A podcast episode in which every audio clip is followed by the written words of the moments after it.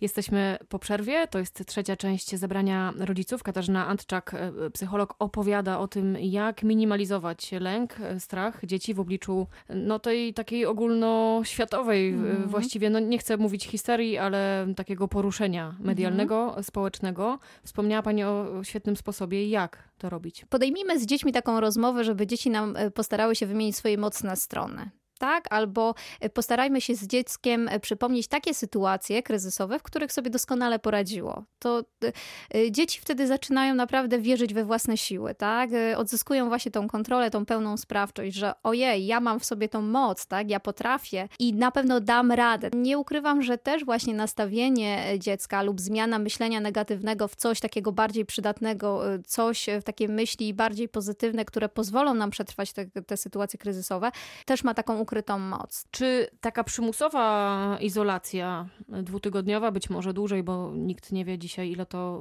może potrwać, może mieć też wpływ na, na psychikę dziecka?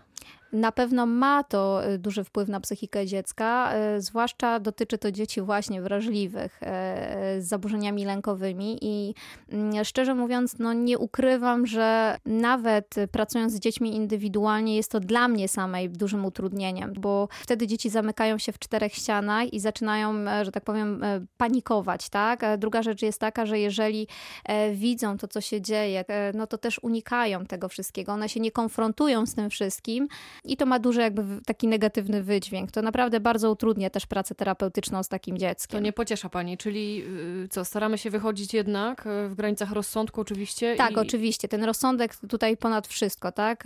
I, I, też musimy my jako osoby dorosłe tutaj pokazać dzieciom, że, że potrafimy sobie radzić też w tych sytuacjach stresujących, bo one naprawdę bardzo, bardzo nas obserwują i wyciągają wnioski. Szczególnie dotyczy to tych młodszych dzieci. Patrząc na mamę czy na tatę, jak reaguje w sytuacjach kryzysowych, to prawdopodobnie ja ten sam wzorzec będę ujawniał u siebie w swoim życiu.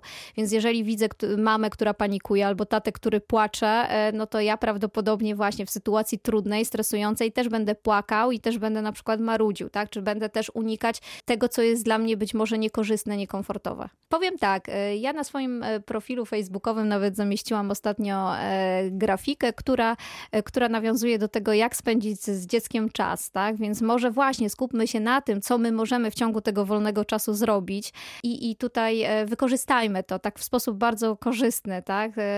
Bardzo... Czyli jakiś cel po prostu możemy sobie tak, postawić. Tak, Na co dzień brakuje nam tego czasu spędzonego z dziećmi, a dzieci bardzo tego pragną. Więc to jest taki moment, gdzie te obawy na razie odłóżmy na bok i poświęćmy sobie, tak? Ten, ten, ten, ten, ten moment, tą chwilę y, na to, żeby faktycznie to, to stało się takie przyjemnym, spożytecznym. I paradoksalnie ten, te dwa tygodnie mogą sprawić, że staniemy się silniejsi. Zdecydowanie tak i te, te relacje paradoksalnie mogą się okazać jeszcze większe. I mhm. tutaj, tutaj skończymy na tym mhm. optymistycznym akcencie. Katarzyna Antczak, psycholog, była dzisiaj moim gościem. Dziękuję bardzo. Bardzo dziękuję. A pytała Justyna Kościelna. Do usłyszenia.